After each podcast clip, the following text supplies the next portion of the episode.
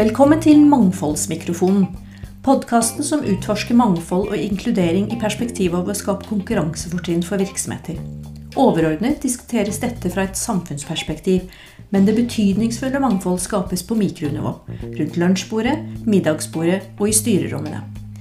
Jeg er Michelle Chinoppen og i denne podkasten deler bedrifter erfaringer og diskuterer hvordan de lykkes med mangfold som en del av sin strategi. På tvers av mennesker, merkevarer og partnere. Norges idrettsforbund har en visjon om idrettsglede for alle, og økt mangfold er en av hovedprioriteringene. Dette handler om at kunst- og kulturlivet, idretten og frivilligheten skal speile befolkningen. Alle skal ha like muligheter til å delta og oppleve idrettsglede i dag og i fremtiden. Nikolai Møller Jensen er prosjektkoordinator for Krafttak for mangfold og inkludering, som er et treårig prosjekt i Norges idrettsforbund. Han kommer selv fra en idrettsbakgrunn, i tillegg til en bachelor i samfunn- og idrettsvitenskap og en master i likestilling og mangfold. Nikolai tar oss gjennom det omfattende arbeidet som legges ned for å løfte visjonen gjennom prosjektet Krafttak for mangfold og inkludering, og om deres fire satsingsområder. God morgen, Nikolai. God morgen, Michelle. Velkommen til JAR. Tusen takk. Veldig glad for at vi endelig fikk dette til. Ja, Det er det eh, ganske mange måneder siden vi begynte å snakke om det. I dag er det Norges, Norges idrettsforbund som er her, og et prosjekt som vi skal snakke om. Og da har jeg lyst til, før vi går på det, bare liksom eh, Du sendte meg veldig mye informasjon. Eh, og det jeg beit meg fast i, er jo at regjeringen hadde da en stortingsmelding i 2021 eh, hvor man da Som egentlig er grunnlaget da, for det, det vi skal snakke om i dag, krafttak for mangfold og inkludering. Og der eh, står det jo at eh, mangfold er en hovedprioritering for kultur, i Kulturdepartementet. Og at det handler om at kunst- og kulturlivet Jeg leser. Ja, ja. Kunst- og kulturlivet, idretten og frivilligheten skal speile befolkningen. Alle uavhengig av sosial bakgrunn, etnisitet, religion, kjønn, kjønnsidentitet, seksuell orientering eller funksjonsnedsettelse skal oppleve idrett som en representativ og inkluderende arena. Og det er jo veldig flott Mm. sagt. Eh, og der er det jo eh, Dette henger sammen med bærekraftsmålene til idretten. Og så kommer vi over da For dette her er jo svært. Og så kommer krafttak for mangfold og inkludering som et prosjekt innunder det. Mm. Kan du velge, liksom, før vi går i detalj, forklare oss hva det er? Ja altså vi, eh, Norges idrettsforbund, vi, vi har en visjon som er sterk og tydelig, men også krevende. Vi skal skape idrettsglede for alle. Og eh, det har vi ikke i dag. Det har vi anerkjent, og det har regjeringen anerkjent. Eh, og fordi at idretten spiller en viktig rolle i å bygge gode, robuste samfunn, så har KUD gitt oss finansiering til å jobbe systematisk med dette over en tidsbegrenset periode på tre år gjennom prosjektet Krafttak for mangfold og inkludering. Eh, Så det er utgangspunktet for prosjektet vårt. Mm. eh, Som er Treårig. Ja, treårig prosjekt. Ja. Mm. Vi er ferdige i 2024 Mm. eh, og starta i eh, inngangen til 2022. Og så skjønner jeg at det henger litt sammen med opplevelsen av frafall under covid også. At det henger noe sammen med det. Ja, altså dette prosjektet er jo delvis en, en konsekvens av det frafallet som idretten opplevde gjennom pandemien, eh, hvor idretten ble ramma hardt, eh, på, på lik linje med, med andre frivillige organisasjoner. Eh, så vi må gjøre noen grep for å komme oss tilbake i posisjon, eh, og for å få enda flere med i idretten. Vi ser også at den, det frafallet har truffet skjevt, og at det er eh, sårbare grupper som i aller største grad også har falt fra under pandemien. Ja, det er utrolig interessant, for når man tenker kultur eh, og eh, altså prioriteringer, så er, så er jo dette en ny problemstilling som bare har blitt forsterket av covid. Mm. Så er det deg, Nikolai. Jeg har litt lyst til å snakke om deg før vi snakker om selve prosjektet. Ja. Eh, Jeg har jo da fått bekreftet gjennom alle mine intervjuer at alle som sitter overfor meg, har personlig interesse i det de holder på med. Og jeg tror det er drivkraften, og det er derfor man lykkes. Men, eh, men du har jo også eh, ganske omfattende bakgrunn utdannelsesmessig innenfor dette. Du har en bachelor i samfunn og idrettsvitenskap. Jeg har også vært og snoket på deg, skjønner du. Ok. og så har du en master i likestilling og mangfold fra NTNU. Stemmer. Eh, og så har du tidligere vært daglig leder også i et reklamebyrå, stemmer det? Ja, kommunikasjons- og mangfoldsbyrå. Kommunikasjons- og mangfoldsbyrå. Ja. Men, eh, men Så det er liksom den faglige delen. Mm. Men så har du også eh, ja, litt annerledes bakgrunn. Har du lyst til å dele litt med oss på det? Ja, Um, 30 år. Mm. Um, fylte i august. Gratulerer. Gratulerer. tusen takk. Ja. Uh, vokste opp i Lørenskog. Uh, mellomste broren i en søskenflokk på tre. Og har siden jeg var helt liten vært fotballgal. Ehm, og Det Også, hører med til historien at du er 205, og jeg ikke skjønte hvorfor du ikke spilte basket. Det stemmer. Ehm, den, har vi, den har vi svart ut. Ja. Ehm, og så er jeg også helt dansk. Jeg har eh, danske foreldre, eh, men er norsk. Mhm. Og så øver jeg meg fortsatt på å, snakke dansk med mormor. Og for å, trekke fram noen minner fra barndommen som kanskje kan eh, bidra til å forklare litt hvorfor jeg har blitt som jeg har blitt, eh, så vil jeg jo nevne alle disse utallige timene som jeg og vennene mine brukte nede på, på grusbanen nede for huset der vi bodde, eh, og spilte fotball eh, dag inn og dag ut. Eh, hvor jeg kunne øve meg på å slå frispark som David Beckham. Hvor jeg kom ned på grusbanen med kragen på fotballskjorta bretta opp som Erik Cantona. Hvor jeg prøvde å løpe raskere enn Thierry Henry. Ja. Eh, Selv jeg vet hvem disse gutta er. ja, nettopp. Mm. Og dette var for meg store forbilder i min oppvekst. Eh, og, og lenge så identifiserte jeg meg som fotballspilleren Nikolai. Eh, det som vi den gang kalte å satse, gjorde jeg da fram til jeg var 19. Mm. Eh, og etter hvert så tok skadene meg også. Og det opplevdes da disse skadene kom og jeg innså at jeg ikke kunne fortsette med, med det trøkket jeg hadde på fotballen, så opplevdes det som en aldri så liten identitetskrise. Mm. Men i ettertid så tror jeg kanskje også det var noe av det beste som kunne skjedd meg. Fordi jeg fikk øynene opp for nye interesser, jeg fikk meg kjæreste, eh, begynte å studere og skjønte at livet kunne være mer enn to økter om dagen. Mm. Um, Ja, du var såpass. ja, det var, det var mye, Mm. eh, og jeg var all in på det. eh, Og var egentlig villig til å ofre det som skulle Det som ofres måtte da, for å komme opp og frem. Um, og så var det da sånn at etter videregående så skulle jeg begynne å studere. Um, det forsto jeg også at jeg måtte gjøre. Eh, og jeg var også usikker på hva jeg ville gjøre der. Um, jeg var innom tanken om å bli politi, husker jeg. Det måtte jeg eh, raskt eh, legge fra meg, fordi jeg den gangen hadde også Eller jeg hadde også den gangen dansk statsborgerskap. Ok. eh, Ja. Og da var ikke det mulig. Men jeg visste at jeg ville bruke min tid i yrkeslivet på å på et eller annet vis gjøre samfunnet rundt meg rausere. Mm.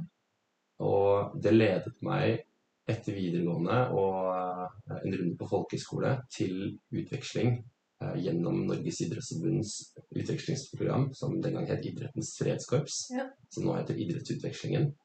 Um, og da bodde jeg um, i den lille byen Livingston, på Zambia-siden av Victoriafallene, Okay. og jobbet i en NGO som het Edusport Foundation, hvor vi jobba i skjæringspunktet mellom utdanning og idrett. Ja.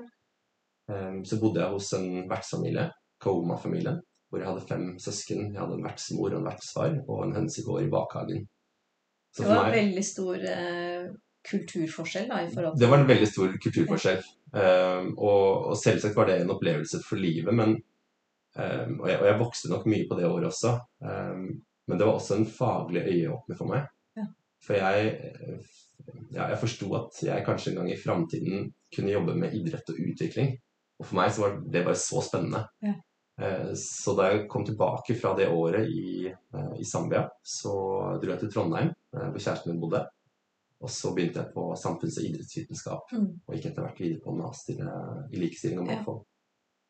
Jeg syns ofte det er veldig spennende å høre, fordi når jeg var den alderen, så Jeg for også til Bergen for å studere, men jeg kan ikke Altså, jeg føler at jeg levde i en sånn boble. Jeg, jeg var ikke så samfunnsbevisst og samfunnsinteressert eh, som det føler veldig mange unge mennesker er tidlig i dag. Mm. Så der tror jeg det har vært en forbedring i forhold til når jeg Eller kanskje det var det miljøet jeg eh, tilhørte. Men jeg syns det er veldig spennende å høre. Og så, da? Ja, så um, etter utdanning så, så måtte jeg prøve å finne meg jobb. Siste, jeg jobba gjennom studietiden um, med, altså for en sosial entreprenør som het trivselsleder. Mm, er Eh, De, trivselsleder jobber for eh, økt inkludering og trivsel på norske, svenske og islandske grunnskoler. Og eh, driver et friminutts- og klasseromsprogram eh, for å sikre tryggere skolemiljøer. Og der holdt jeg kurs eh, tre år mens jeg studerte, og fikk det siste halvåret 50% stilling eh, hvor jeg kunne jobbe administrativt med ansvar for skolene våre i eh, Trøndelag, Nordland og Troms og Finnmark. Ja. Så det var inngangen min til arbeidslivet, og der var jeg vel en tre, tre års tid Ja. eh, på fulltid. Um, så det var spennende og, og lærerikt, også mitt første møte med arbeidslivet. Og derfra så gikk eh, ferden videre til uh, Vieros, Mm. eh, et lite nyoppstarta byrå som jobba med kommunikasjon og mangfold. Ja. Um, der gjorde vi også mye spennende. Mm. Jeg var der ikke så lenge. Um, men for å trekke fram noe, så jobba vi jo på oppdrag for Helsedirektoratet Ja. eh, under pandemien. Eh, og i min tid der så leverte vi eh, Vi jobba med å rekruttere informanter til eh, det avsluttende rapporten, som skulle konkludere med hvordan man neste gang det var en beredskapssituasjon, skulle kommunisere med innvandrerbefolkningen. Ja. Så utrolig spennende prosjekt. Og det var også jobba um, jobba med Helsedirektoratet før jeg kom inn. Ja. Um, så vi baserte egentlig Eller den forskningsrapporten den var basert på det tidligere arbeidet. Mm. Eh, Men det var veldig spennende å få, få innsikt i det, og forstå hvordan kommunikasjon er en helt sentral faktor for å lykkes med eh, en del mangfoldsarbeid. Og tok alle erfaringene fra da, eh, pandemien, da. Ja, den. de, altså er Den rapporten er en eh, sammenstilling av erfaringene med eh, kommunikasjon. eh, Både når det kommer til påvirkningsarbeid, altså hvordan er det man kan få folk som kanskje er skeptiske til å ta vaksine, til å ta vaksine. Hvordan er det man kommuniserer de samme reglene ut til folk som har behov for tilpasset språk. Som sikrer at vi holder én eller to meters avstand, og at det ikke er flere enn ti stykker inn i et hjem. Ja. Um, så der, var det, der lærte jeg utrolig mye. Um, og så ville jo ting seg sånn da at uh, det bare ble ett år i Vieros. Mm. Um, og så dukket det opp en ny mulighet i Norges idrettsforbund. Mm. uh, Da dette Krafttak for mangfold og inkludering ble igangsatt i, i starten av 22. Og der er du nå. Der er nå. Og der er du nå. Yes. Og da fører det oss over Men, men jeg har lyst til å si en ting, spørre om det er én ting før vi liksom går på dette med, med selve prosjektet. Fordi du og jeg har hatt noen fine samtaler før det her. Ja. Uh, og jeg sier jo alltid på alle podkastene mine at jeg skulle ønske jeg kunne ta opp de samtalene, for de er veldig fine. Eh, men du sa noe så fint, og det er at mangfoldsarbeid er en øvelse i empati, sa du når vi snakket om det sist. Og det skrev jeg ned, for jeg syns det var så fint sagt. Eh, kan du liksom fortelle litt hva du tenker da? Jeg tenker at um, når vi skal jobbe med mangfold i en organisasjon eller en virksomhet um, du, vil, du vil trolig ikke finne en eneste person som representerer alle gruppene som berøres av mangfoldsarbeid. Um, for å klare å sette seg inn i grunnen til at man skal begynne å jobbe med mangfoldsarbeid i sin virksomhet, så må man også sette seg inn i hodene til de utsatte gruppene som man ønsker å inkludere. Jeg selv har ikke kjent på diskriminering på kroppen. Eh, Jeg har kjent på urettferdighet. Og jeg kan bruke den følelsen til å, å forstå eh, noen grupper litt bedre enn jeg ville gjort ellers. Um, men, det, men det å ha empati for, for andre, det tror jeg er, um, er en avgjørende personlig egenskap å ha i mangfoldsarbeidet vårt. Um, så det er, vel, det er vel egentlig refleksjonen rundt det. Jeg syns det var en veldig fin refleksjon. Jeg synes det var, jeg kommer sikkert til å eh, sitere deg på, ved flere anledninger. Så kommer da dette krafttaket. Eh, og kan du fortelle Altså, du, du styrer selv hvordan du vil legge opp eh, og fortelle om det. Men, eh, men jeg syns det er veldig spennende, for dere har gjort mye eh, som jeg ikke var klar over, og som jeg tror veldig mange ikke er klar over. Så det har jo med hvordan eh, Norges idrettsforbund er organisert, og hva du konkret jobber med. Kan du dra oss litt gjennom det løpet? Ja, det kan jeg. Eh, altså Hvis vi starter med, med hvordan vi er organisert. da. Eh, vi sitter på, eller Jeg sitter på Ullevål stadion og jobber til daglig. Og det er langt fra Ullevål stadion til min gamle fotballklubb i Trondheim, Kattemiel, eller din gamle håndballklubb Hausvik IF. Ja. Um, og vi er jo organisert litt som, eh, som andre konsern, kan man si. Hvor du har, det er langt fra toppen av et konsern ned til sluttbrukeren eh, i et av datterselskapene. Mm. I idretten så har vi i dag rundt 9300 idrettslag og ca. 1,8 millioner medlemskap. Og disse er organisert gjennom særforbund og idrettskretser. Mm. Så vår oppgave er å styrke særforbundene og idrettskretsene i deres mangfoldsarbeid gjennom den treårsperioden fra 2022 til 2024. Mm. Og sikre at de rett og slett er på et høyere nivå enn de var ved prosjektstart. Mm. Um, og så er det jo altså Mangfoldsarbeid i NIF det er jo ikke noe nytt. Uh, vi har allerede fagmiljøer og ressurser som jobber med mangfold og inkludering uh, i dag. Um, prosjektet jobber på tvers av uh, fire innsatsområder. Vi jobber for økt kjønnsbalanse og likestilling. Vi jobber for økt deltakelse blant personer med funksjonsnedsettelse. Mm. Mot sosiale og kulturelle barrierer, og mot hets, rasisme og diskriminering. Mm. Og dette er ikke nytt, men den ekstrainnsatsen som vi har muligheten til å, å, legge ned i dette prosjektet her, den gjør at vi kan jobbe annerledes. Eh, målet vårt er å flytte utgangspunktet for det ordinære arbeidet. Mm. Eh, som ideelt sett da skal føre til at vi er på et høyere nivå i utgangen av 2024 enn vi var da vi starta prosjektet vårt i 2022. Mm. Helt konkret så betyr det at vi skal utvikle et indikatorsett for å måle arbeid med og status på mangfold i norsk idrett. Vi skal ha samla sammen erfaringer um, som materialiserer seg i en best practice-bank som uh, kan brukes ut i hele organisasjonen, som skal sikre bedre og mer effektiv uh, drift av mangfoldsarbeid. Og vi skal også uh, bestille og også utvikle kunnskap som deretter skal spres ut i organisasjonen. Um, og så er det jo altså, hvordan vi jobber, da. Det grunnleggende spørsmålet som vi stiller oss selv, det er idrettsglede for alle. Er det noe vi har i dag? Og i dag så vet vi at vi ikke har det. Um, og hvordan, hvor, hvordan, vet dere det, at dere ikke har det? For dere har gjort noe kartlegging? Vi, vi, har, eh, vi har, en del tall og data. Mm. Um, så vi har allerede en, en god del indikatorer. Uh, så når jeg snakker om indikatorsett, så, så vil jo det uh, Målet må være å fylle inn de hullene som vi har. Uh, men i dag så vet vi at 93 av alle barn og unge på et eller annet tidspunkt har vært innom den organiserte idretten i Norge. Mm så vet vi også at det er noen utestengelsesmekanismer som gjør at uh, noen grupper i dag ikke deltar. Um, og for å snakke med klarspråk, da, så har vi jo egentlig erkjent at vi har feila. Um, det er ganske kraftig sagt? Det, det, er kraftig, mm. det kan hende at det oppleves som kraftig kost, mm. men uh, i dag så speil, vi speiler ikke mangfoldet. Uh, ikke når det kommer til kjønn, Eh, ikke når det kommer til etnisitet, funksjonsvariasjon, eh, familieøkonomisk status eh, eller seksuell orientering. Og dere som, som, lytter til denne episoden her, vil ikke, eller ser jo ikke det, men jeg har tatt med en rapport til deg. Mm. Det er en 40-siders blekke med navn 'Hva vet vi om mangfold og inkludering i idretten'. Det ble lansert den 16.2.2023 på, når man leverte av Rambøll. uh, som skrev den for oss. Um, og det er egentlig en 40 siders blekke som beskriver hvordan vi har feila i å skape idrettssteder for alle. Ja. Jeg hørte på det webinaret som dere også hadde om det, uh, og jeg var liksom Ja, man blir, man blir ofte liksom overrasket over Det er litt synd å si det, men man blir overrasket over ærligheten, da, egentlig. Ja, jeg syns det er en um, jeg syns det er uh, riktig.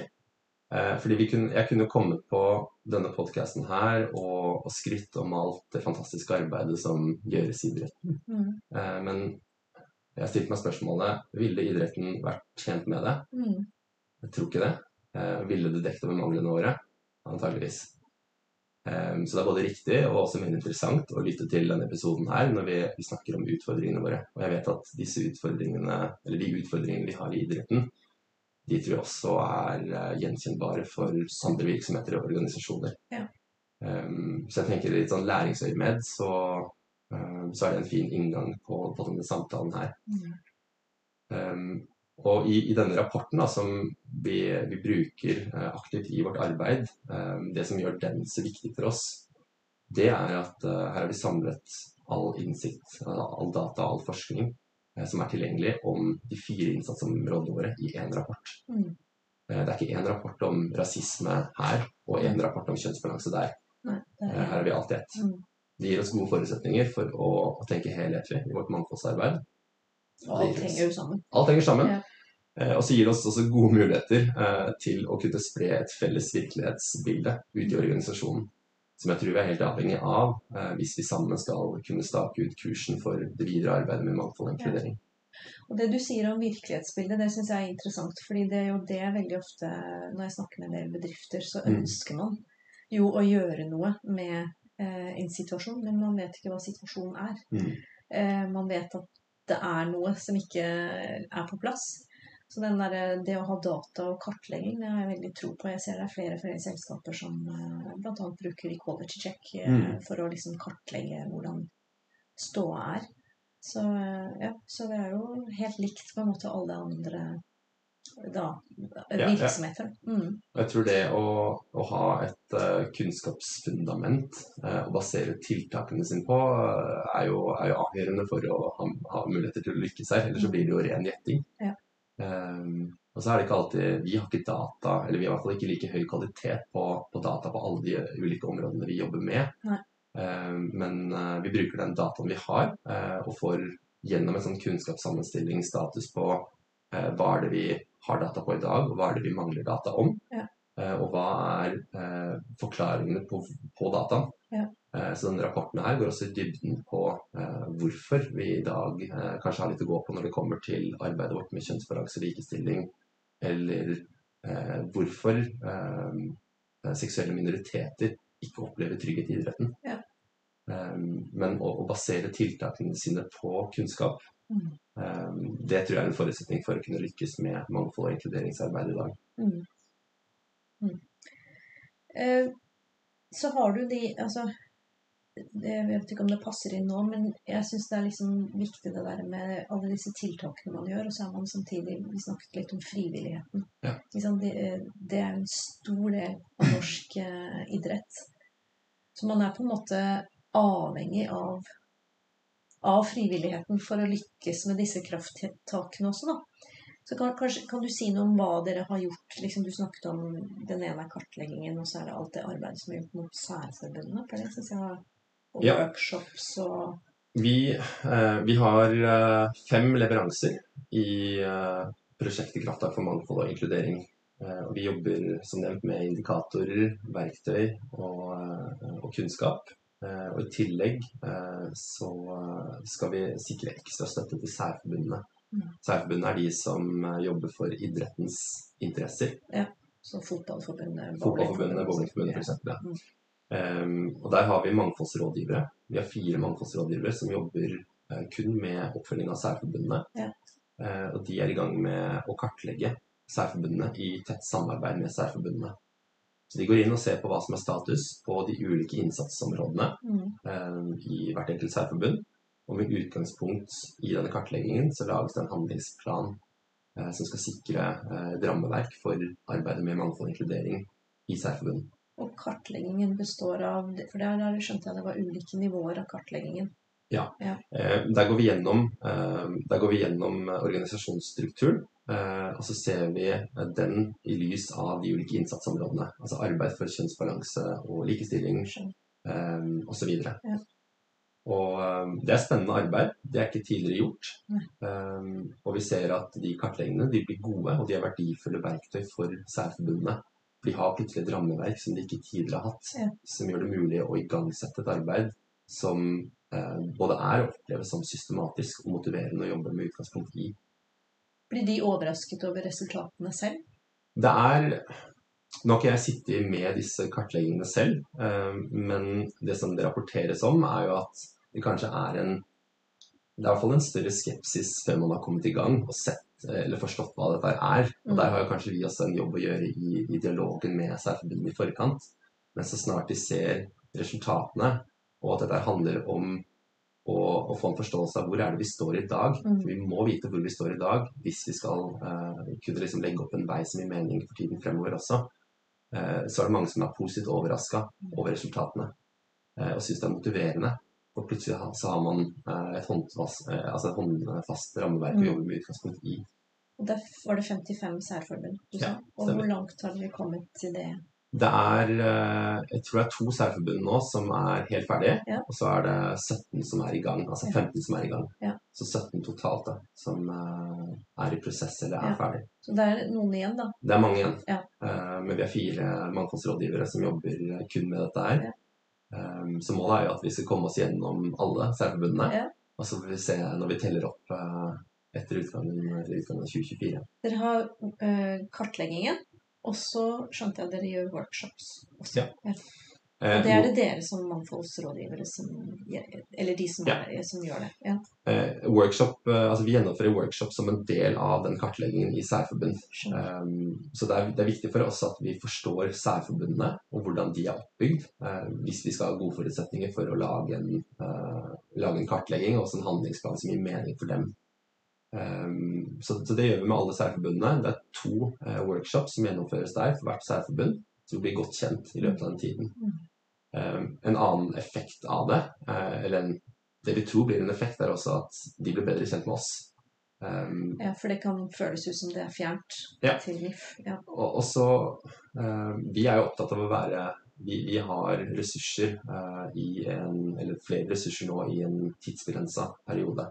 Så det handler jo også om å bruke oss eh, så lenge vi er her. Mm. Etter eh, 2024 så er det ikke noe krafttak for mangfold og inkludering lenger. Da er jo målet at eh, disse verktøyene og indikatorene og metodene skal være implementert i ordinær drift. Men da må man stå i litt større grad på egne ben enn det som eh, man må nå i starten, hvor vi er tilgjengelige. Ja.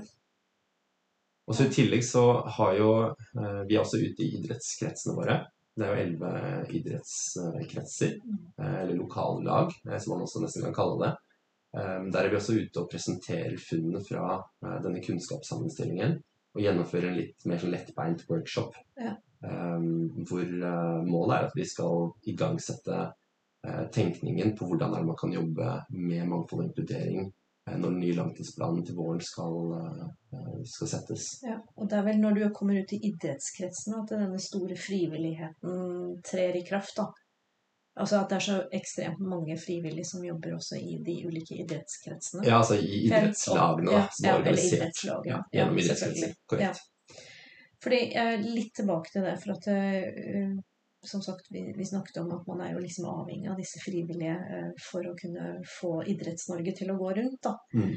Eh, hvordan er det man da liksom Hvor er den røde tråden, da? Er det i handlingsplanen, liksom, eller er det Nå er det jo eh, Vi hadde et idrettsting eh, i juni. mm, 4. juni så ble det valgt ny idrettspresident. Zainab Al-Samrai ble valgt inn som eh, ny idrettspresident. Og da ble det også laget en ny langtidsplan for norsk idrett. Så den røde tråden for organisasjonen nå er jo at et av eh, innsatsområdene i den nye langtidsplanen er like muligheter. Ja. Eh, og i like muligheter så ligger mangfoldsarbeidet. Så det er noe som vi skal levere på i norsk idrett i årene som kommer. Ja. Og, og Krafttak for mangfold og inkludering eh, vil bare forsterke den leveransen der. Og egentlig litt vi, vi er ikke fristilt, eh, men eh, vi har våre egne prosjektleveranser. skjønner. Men som vil bidra til å, å levere på målet om like muligheter i norsk idrett. Er det nå det hadde vært fint å gått litt gjennom disse prioriterte områdene, og så fortelle litt om hva dere gjør og hvilke utfordringer dere har innenfor disse områdene? Er er det, hadde det passet? Ja, jeg syns det, det er fint. Um, For det første var jo arbeid med kjønns, for kjønnsbalanse og likestilling. Ja. Eh, og da skjønte jeg at det var liksom forskjell Du kan forklare tallene, for jeg skjønte at det var liksom veldig stor forskjell på frafallet på jenter og gutter, blant annet. um, altså for noen uh, I fjor, 2022, så, så var jo hele uh, Norge omtrent engasjert i uh, hoppjentenes kamp om å få, få drive med skiflygning. Ja. 18.3.2023 så ble Maren Lundby Mm. den første norske kvinnelige skiflyveren Ja. som tok sats fra Vikersundbakken. Og dette er bare ett eksempel på en av likestillingskampene som har vært i norsk idrett de siste årene, Ja. men er trolig ikke den siste. Nei. Eh, Vi har eh, gode tall, ekstremt oppdaterte tall på eh, medlemmene våre når det kommer til kjønnsbalanse. I dag så er fire av ti av våre medlemmer i norsk idrett kvinner. Mm. Men så vet vi at uh, blant 6-12-åringer så er jenteandelen oppe på 46% Ok, så nesten 50% Det betyr at jenter uh, de faller oftere og tidligere fra enn guttene. Uh, Dette blir bare synligere og synligere jo høyere opp i organisasjonen vi kommer. Ja. Og forskeren Hanne Sogn, som i våres forsvarte sin doktorgradsavhandling 'Spillets gang', forklarer at uh, idretten styres av en maskulin ideologi. Mm. Hun, eh, det, altså hun forklarer um, Hun forklarer at uh, maskulinitet det er ikke en det kan ikke helt separeres fra ideen om kjønn, men er likevel noe som både kvinner og menn gjør. Det betyr at en kvinne kan komme seg opp og fram i norsk idrett. Mm. Nå har vi hatt to kvinnelige idrettspresidenter på rad, så det er jo beviselig mulig. Ja. Men uh, at i snitt så vil det være fordel å være mann, fordi at eh, spillet i norsk idrett spilles på menns premisser. Ja. Og helt konkret, da um, Dette er veldig sånn teoretisk språk, og for å bli mer konkret, så, så bryter hun uh, bryter eh, hun det ned til å forklare at den ideelle lederen i norsk idrett, det er lederen som er klar for døgndrift og er tilgjengelig til alle tids, eh, eller døgnets tider. Ja. Og en som har et bakkemannskap i hjemmebane, Ja. som også gjør det mulig å ha et verdig familieliv. på si. Ja, En supplement. Det kan man si. Ja. Og det er jo ikke sånn at en kvinne ikke kan være eller ha alt dette her, men oftest så er det menn som kan innfri dette kravet. Ja. Eh, Som en sånn helt konkret nedbrytning som var en øyeåpner for meg, eh, og, og som gjør denne doktorgradsavhandlingen ekstra spennende. Så den ligger tilgjengelig for de som eh, er nysgjerrige på å lese seg litt opp der. veldig, veldig spennende. Og så har du, du har også dette, denne kampen om drakter på beachvolleyball. Det Ja. var jo også Det er mange eksempler. Ja. Og der igjen er det jo eh, Jeg kommer litt tilbake til det, men eh, der igjen så er det jo noen menn på toppen som sitter og bestemmer over noen kvinner om hvordan de skal kle seg, og om hvor lite klær de skal ha på seg i det, det tilfellet du, du Mm. refererer til. Mm. Um, så det er, det er mange caser, uh, både nasjonalt og internasjonalt, og dette er et arbeid som aldri kommer til å stoppe.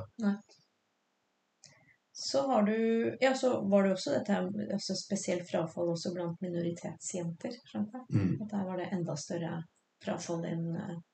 Ja. Um, vi vi eh, jobber jo med innsatsområdet kulturelle eller sosiale og kulturelle barrierer. Eh, og disse henger litt sammen, men ikke helt. mm, Eh, hvis vi starter med eh, de sosiale barrierene, som egentlig handler om familieøkonomi som barriere for barns deltakelse i idretten, så har vi et mål om å skape en idrettsarena som er tilgjengelig for alle, og hvor alle er velkomne. Men så vet vi at det er tett sammenheng mellom foreldrenes lommebok og Mm. barns muligheter til å delta i idretten. Ja.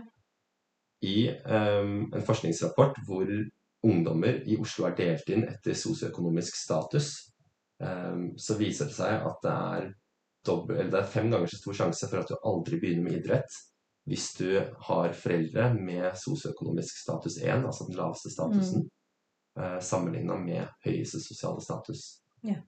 Og du faller dobbelt så ofte fra hvis du, har, uh, hvis du kommer fra en dårlig stilt familie kontra en av de best stilte familiene. Så der kommer diskusjonen om, om hvor dyrt det skal være å tre Yes. inn i idretten. Og, og vi, vi snakket jo innledningsvis litt om denne artikkelen som var i Aftenposten som tar opp Ja. det. Eh, Børre Rognlien, som var idrettspresident fram til 2015, som kritiserer egentlig og sier at idretten er ikke for alle. Så egentlig Mm. forsterker det du allerede sa innledningsvis. da. Eh, Men der skjønner jeg at det er en av krafttakene, det å jobbe med det. Ja, og eh, i idretten så vil jeg jo si Det er jo en av områdene hvor det virkelig jobbes godt nå. Mm. Eh, på idrettstinget så, så ble det vedtatt at vi skulle gjennomføre en ny kartlegging av kostnadsdriveren i norsk idrett. Eh, det er allerede gjort en, eh, en kartlegging der, men det, det skal gjøres en oppdatert eh, versjon. Mm. Så skal det også lages en nasjonal handlingsplan eh, for å motarbeide at økonomi blir en barriere for deltakelse. Ja. Så her jobbes det Eller det kommer til å bli jobba veldig godt i, i årene fremover. Eh, Så her er det konkrete tiltak som er iverksatt, og det er stor bevissthet Mm. eh, om at økonomi som barriere er eh, en av de, de store utestengelsesmekanismene eh, vi har. Mm. Nei, det er også, og da, da er vi også litt inne på dette her med Altså, jeg har jo valgt å bo i Bærum. Ja. Jeg er veldig glad i å bo i Bærum. Men det er jo ingen, og jeg vet ikke hvordan det er i andre kretser, for å si sånn, men, men en av de tingene som jeg la veldig tidlig merke til, da, det var jo utstyrsjaget, eh, der vi liksom hørte til. Ja, bare hyggelige foreldre, altså ingenting negativt å si. Men det jeg la merke til, var at det var veldig ofte et sånt jag om å finne talentet til barnet sitt så fort Mm. som mulig. Og gjerne en litt sånn Det kunne være en litt sånn fedredrevet ønske om litt sånn eliteklubber og, og, og sånne ting, som jeg, som jeg syntes var vanskelig å forholde meg til. Da. For det Mm. tok veldig Du kunne se at jeg kunne ta bort litt av gleden. Mm. Og du kunne ta bort litt av det der eh, teamfølelsen. Mm. Eh, Men det er også noe man snakker litt om, dette med profesjonalisering av barneidrett for tidlig. Ja, altså ikke, Det er jo ikke, et, av, det er jo ikke noe, et tema som vi jobber særskilt med i, i prosjektet vårt, Nei. men det er jo eh, åpenbart relevant Ja. uh, for oss når vi jobber i For da kommer man jo inn i dette med diskusjon om kostnader. Em, altså det er jo en, uh, en kamp som kjempes litt på slagmarken. Ja. Vi har uh, frivilligheten som fortsatt står sterkt, Mm. men som har fått seg en liten knekk under pandemien. Ja. Og så har vi på den andre siden økt profesjonalisering, Ja. em, som, som er en trussel for den norske idrettsmodellen. Eh, og vi ser at det, ja, det har vært eksempler på, eh, på private akademier som har blitt starta opp på siden av fotballklubbene. Ja. Fordi gjerne noen fedre ønsker å gi eh, et ekstra proft opplegg til kanskje sine sønner. eh, Ja. Er det vel hovedsakelig snakk om her. Mm. Um, og det er jo ikke noe som, eh, som vi i Norsk, eller Norges idrettsforbund jobber etter. Nei. Vi ønsker å skape en inkluderende arena. Um, og så har vi eh, en uh, trappetrinnsmodell eh, hvor man trapper opp eventuell satsing eh, ettersom man blir eldre. Mm. Men denne profesjonaliseringen den starter jo stadig eh, tidligere og tidligere. Ja, så er helt ned i tiårsalderen. Eh, Liksom. som, som jeg anser som en stor utfordring. Um, ja, jeg tror det viktigste er at man, eh, man har muligheten til å være aktiv. Mm. Um, Løkkefotballen, eh, som jeg og mine kompiser brukte utallige timer på hver eneste uke, den er ikke like sterk lenger. Eh, nå skal alt være organisert. Mm.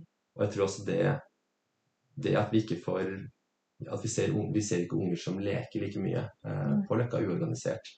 Eh, det syns jeg også er synd, og kanskje også en effekt av denne økte profesjonaliseringen.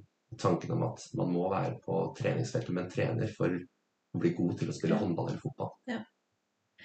Datteren min bor på Grünerløkka, eh, rett ved Cubaparken. Og jeg elsker å sitte og se at det er en gjeng som bare spiller og koser seg. Og Mm. så vi trenger egentlig litt sånn flere sånne uh, arenaer.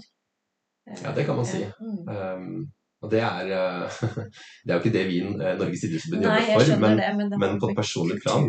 Ja. ja, så har det vært liksom Det har vært en av uh, grunnsteinene i min barndom. At jeg Mm. kunne gå ut og leke med vennene mine. Um, og det støtter litt mer opp under liksom, um, det at idrett ikke trenger å være uh, så fryktelig seriøst så veldig tidlig. Ja. Og det tenker jeg er en viktig tanke å ha med seg. Mm. ja, det er absolutt. Absolutt. Em, så har du dette med så, så nå har vi liksom vært innom to av disse prioriterte områdene. Og, og så har du dette med arbeid for deltakelse blant personer med funksjonsnedsettelse. Og da snakker vi ofte Paralympics og paraidrett. Ja, Paraidrett Ja, det var, var det jeg mente egentlig. Paraidrett. Uh, og da er det riktig at det er um, 11 000 parautøvere. Nå er det rundt eh, Jeg tror eh, Altså, det siste For det hørtes eh, veldig lite ut. Ja. ehm, det er en forklaring til de tallene. Vi opererer med altså de siste oppdaterte tallene vi har fra nøkkeltallsrapporten fra 2021. Nå Mm. kommer det oppdaterte tall for, for 2022 ganske snart. Men de siste tallene vi har, er at vi har 10 000 og jeg tror det er 39 Ja. parautøvere i Ja. Norge. Der også har det vært et lite frafall gjennom pandemien. Ja. Um, men her er det store mørketall. Mm. Fordi disse tallene fanger ikke opp personer med en funksjonsnedsettelse som deltar i den ordinære idrettsaktiviteten. Nei. Men når NIF jobber med paraidrett, Mm. så tar man utgangspunkt i de 10 000, eller rundt de 10 000 Ja. utøverne som er. Eh, Og de deles inn i fire ulike kategorier. Eh, Det er synshemmede, hørselshemmede, bevegelseshemmede og utviklingshemmede. Mm. Um, og så organiseres det idrettsaktivitet på tvers av, uh, av de ulike kategoriene. Og det er jo i, altså i 2022 så, så ble den nye strategien, altså parastrategien, sluppet. Eh, som har som mål å sikre økt rekruttering og økt mestring, men også prestasjoner på toppnivå. Mm. Eh, en av Norges mest kjente personer, vil jeg tørre å si, Birgit Skarstein, ja. er jo virkelig eh, synlig i mediebildet. Mm. Eh, og en, en, veldig god representant for uh, paraidretten mm. i Norge. Fantastisk rollemodell. Mm. Men ja, vi skal ikke la oss lure og, og, tenke at den oppmerksomheten som den enkeltutøveren får, eh, er ensbetydende med at vi er i mål med paraidrettsarbeidet vårt. For det henger vel tett sammen med kostnader? Og, det, det, kapasitet ja. hos foreldre uh, igjen, ikke sant? Man... Det er veldig, veldig komplekst. Um, for å trekke fram en av de store tingene, så uh, kan vi jo snakke om altså samarbeidet eller samhandlingen mellom skolevesen, helseinstitusjoner, ja. fagmiljøer og interesseorganisasjoner og idretten eh, må styrkes. Mm. Fordi det er vanskelig med informasjonsflyt. Eh, det er strenge GDPR-regler eh, ja, som hindrer oss i å finne paraidrettsutøverne. Um, så det er kanskje en av de, de store. Og så vet vi at for å drive lagidrett så må man være en gjeng som har noenlunde like ambisjoner. Ja. Eh, og som også ønsker å drive med den samme aktiviteten. Og eh, med et lavt antall, relativt lavt antall paraidrettsutøvere i Norge, ja.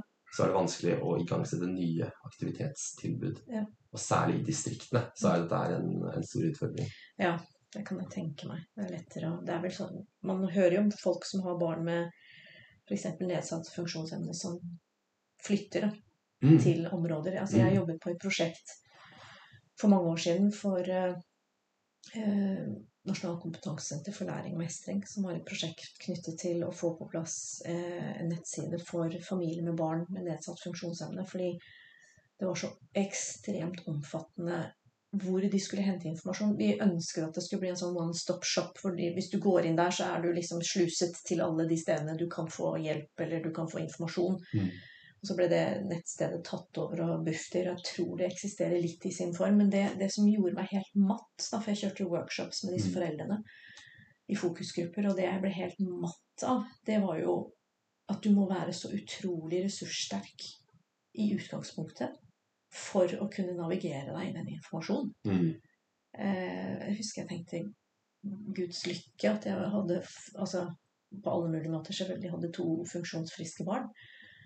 Men du skal jammen ha både bein i nesa og eh, kapasitet mm. for, å, for, å, bare navigere deg i det du har krav på. Eh, så det husker jeg gjorde utrolig inntrykk på meg. Eh, så kommer egentlig den der siste delen av de prioriterte områdene. Mm. Som er egentlig kanskje den som er vanskeligst å snakke om. Ja. Jeg er ikke uenig i det. Nei det er arbeid mot hets, rasisme og diskriminering. Mm. Og der står det jo at i strategidokumentet idretten skal på alle nivåer praktisere nulltoleranse for enhver form for diskriminering og trakassering, og at dette gjelder på alle arenaer, også på tribunen. Mm. Og det er ganske heftig, eh, for det er omfattende. Ja. Eh, for oss så betyr jo nulltoleranse at vi skal gi uh, uholdbare hendelser en reaksjon. Mm. Eh, og den reaksjonen skal vektes etter hendelsens eh, alvorlighetsgrad. Ja. Um, men ja, vi, vi, opererer med nulltoleranse for hets, rasisme og diskriminering. Og så uh, har vi jo tall som viser at og, og, og forskning som viser at uh, vi er ganske langt unna mm. å, å, kunne leve opp til uh, visjonen vår om å skape idrettsglede for alle, ja. hvis man bruker det som en knagg der. Um, Men det du sier da i den kartleggingen, det er for at um, jeg snakker med folk som sier at men det, det, det er så lite, det som skjer. Uh, kan du si noe om omf altså, Omfanget vet vi lite om. Ja. Um, Men dere vet at det er et område som må tas tak i? Ja.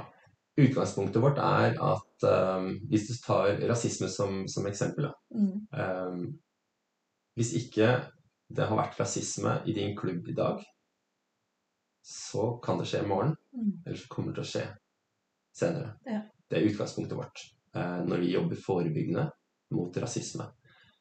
Eh, og så er det sånn at vi jobber på tvers av tre ekskluderingsformer. Hets, rasisme og diskriminering i Kraftverk for mangfold og inkludering. Eh, jeg har med noen tall da, som viser, eh, viser til litt representasjon. Ja. eh, som kan gi oss eh, et lite bilde på status. Mm.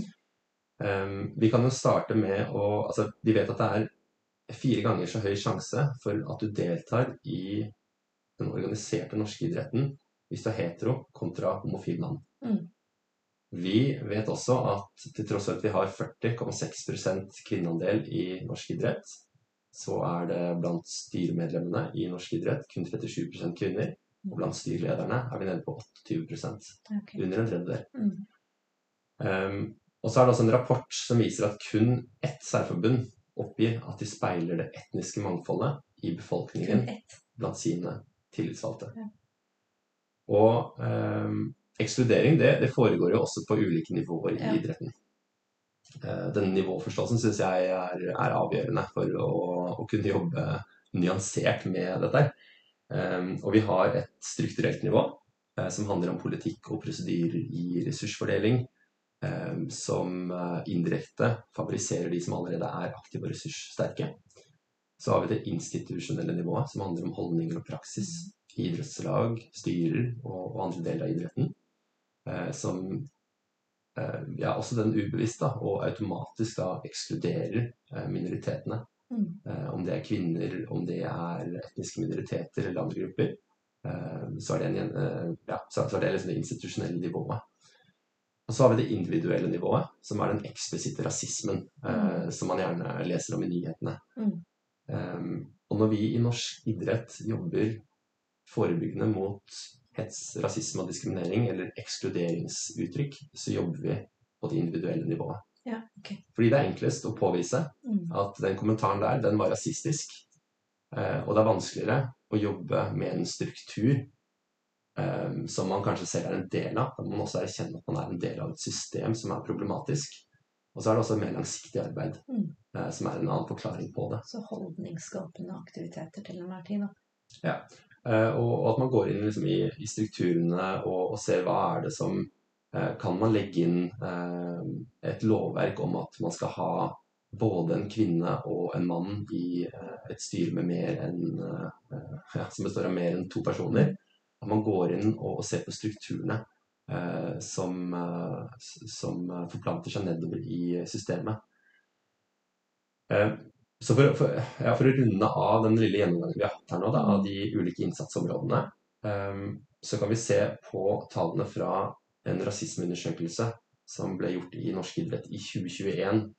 Eh, den viser Den undersøker om vi speiler samfunnet blant våre særforbund når det kommer til tillitsvalgte eh, knytta opp mot etnisk minoritetsbakgrunn. Og her kommer det fram at det kun er det ene særforbundet Mm. eh, som opplever at de gjør det. Det er 25 forbund som opplever eh, at de eh, ikke speiler samfunnet.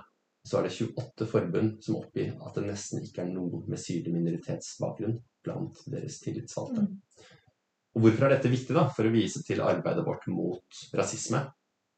Vi har hatt en blindsone fordi at de utsatte gruppene de har ikke sittet i posisjon. Mm. De har ikke hatt muligheten til å påvirke eller bestemme. Og ikke engang fortelle de som sitter eh, og styrer norsk idrett, at dette her er en greie. Mm.